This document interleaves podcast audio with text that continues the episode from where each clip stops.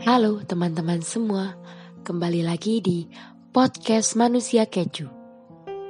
Bersama kalian, Manusia Keju di sini akan membahas sebuah cerita yang bermula dari berpikir terlalu berlebihan di masa pandemi ini. Ada atau tidak ya di antara kalian yang mungkin selama pandemi ini berpikir terlalu berlebihan yang sampai berakibat pada stres atau sedih. Yang lucunya adalah padahal kita sudah sibuk mengerjakan tugas atau kita sudah sibuk melakukan kegiatan yang lain, kita sudah sibuk bekerja.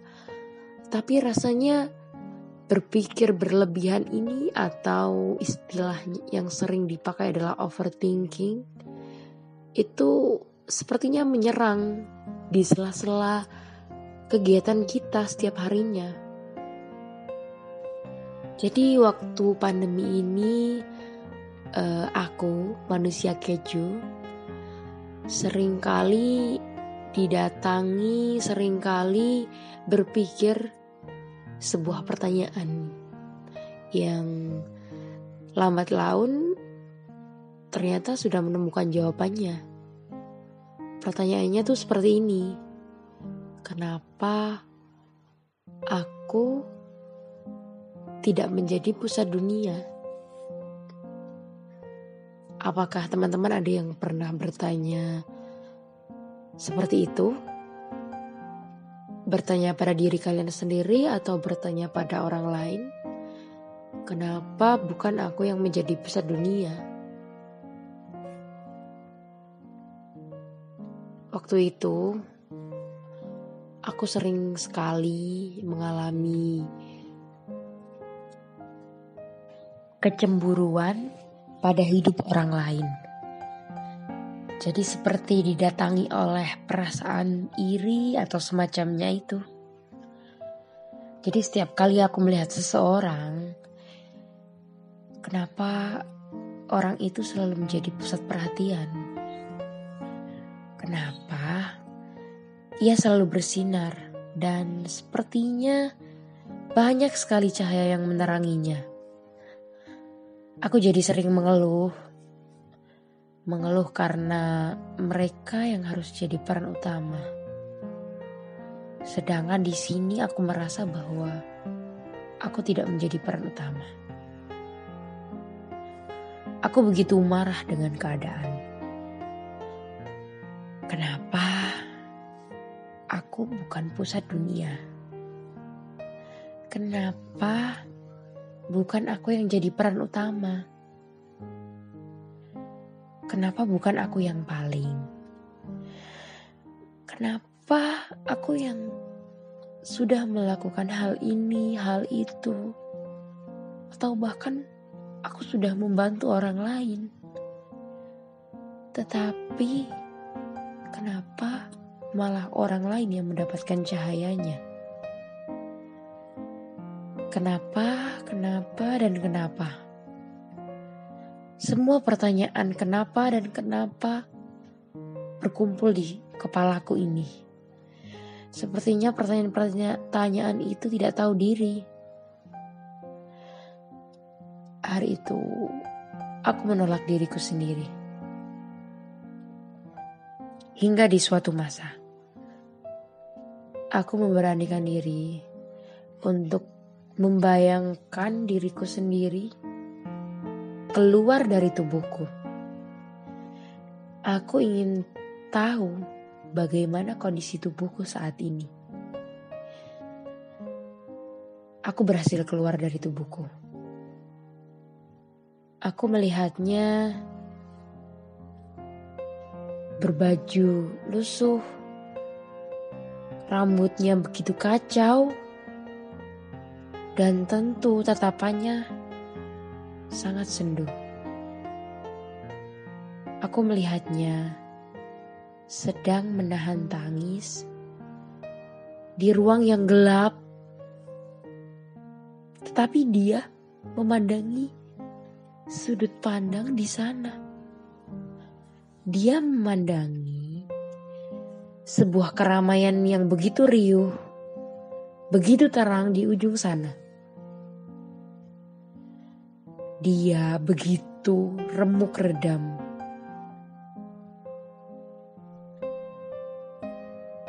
Aku ingin menangis melihat diriku sendiri. Aku melihatnya begitu dalam. Aku memeluknya begitu erat. Aku tahu dia terlalu sering memeluk orang lain sampai dia lupa untuk memeluk dirinya sendiri.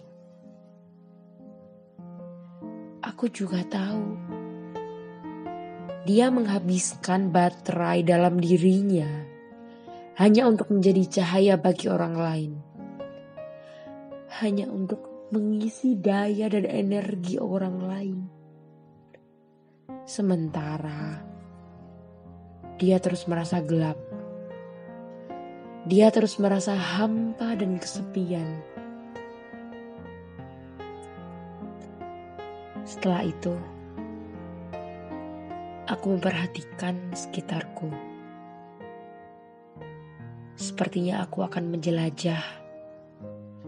Aku ingin melihat sesuatu yang sepertinya jarang kupandang. Ternyata aku mendapatkan banyak sudut pandang yang sebelumnya belum pernah aku jamah. Sampai aku jatuh dan terduduk lemas. Ternyata ada sisi lain yang selalu aku tidak mau meliriknya. Aku masih di depan tubuhku sendiri saat itu. Dia masih dengan pandangan yang sama dia masih melihat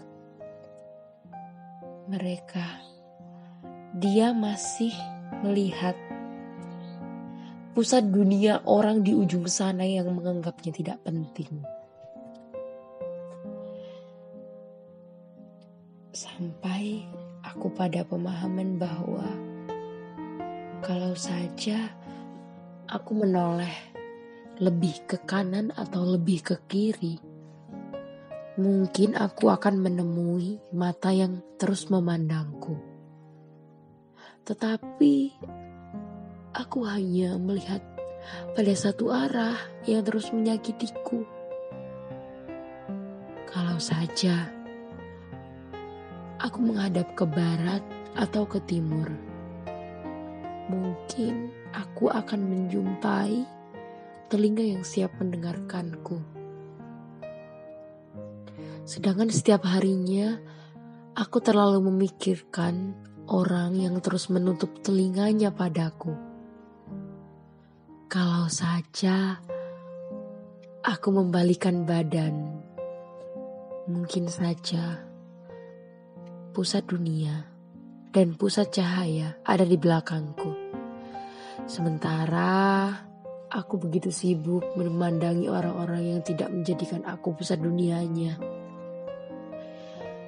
Kalau saja tidak kutemui cahaya yang menerangiku, maka mulai hari ini aku harus memberanikan diriku. Aku harus mulai menyinari diriku sendiri. Hari ini aku lupa menjadikan diriku sendiri sebagai peran utama. Menjadikan diriku sebagai pusat cahaya dan sebagai pusat dunia bagi kisahku sendiri Aku melangkah terlalu jauh untuk tumbuh dan berkembang. Tetapi ternyata dalam diriku, aku lupa cara untuk memuliakan diriku sendiri.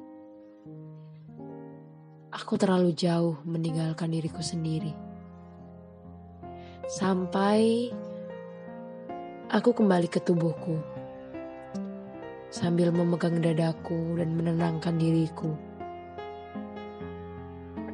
Dunia selalu tidak adil ketika kita hanya melihat satu hal dari satu kacamata. Kadang Kita tidak perlu berjalan terlalu jauh, tetapi kita hanya cukup menoleh dan menghadap pada pandangan yang berbeda, atau mungkin cukup berbalik badan, dan kita akan menemukan bahwa banyak orang yang menjadikan kita pusat dunianya. Memang hidup akan selalu punya cara untuk menjadikan pusat dunia untuk dirimu sendiri. Tentunya menjadi peran kesekian atau mungkin terbuang di kisah hidup orang lain. Yang terpenting dari pertanyaan ini, aku menemukan jawaban bahwa aku juga harus menjadikan diriku sebagai pusat dunia.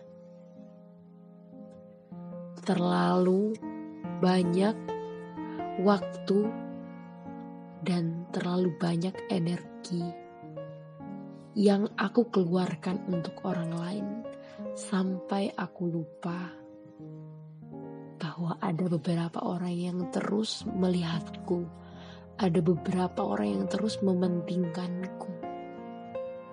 Dan jika sampai akhir tidak ada satupun, maka Aku harus menjadi pusat duniaku. Aku harus terus memeluk diriku sendiri sampai akhir.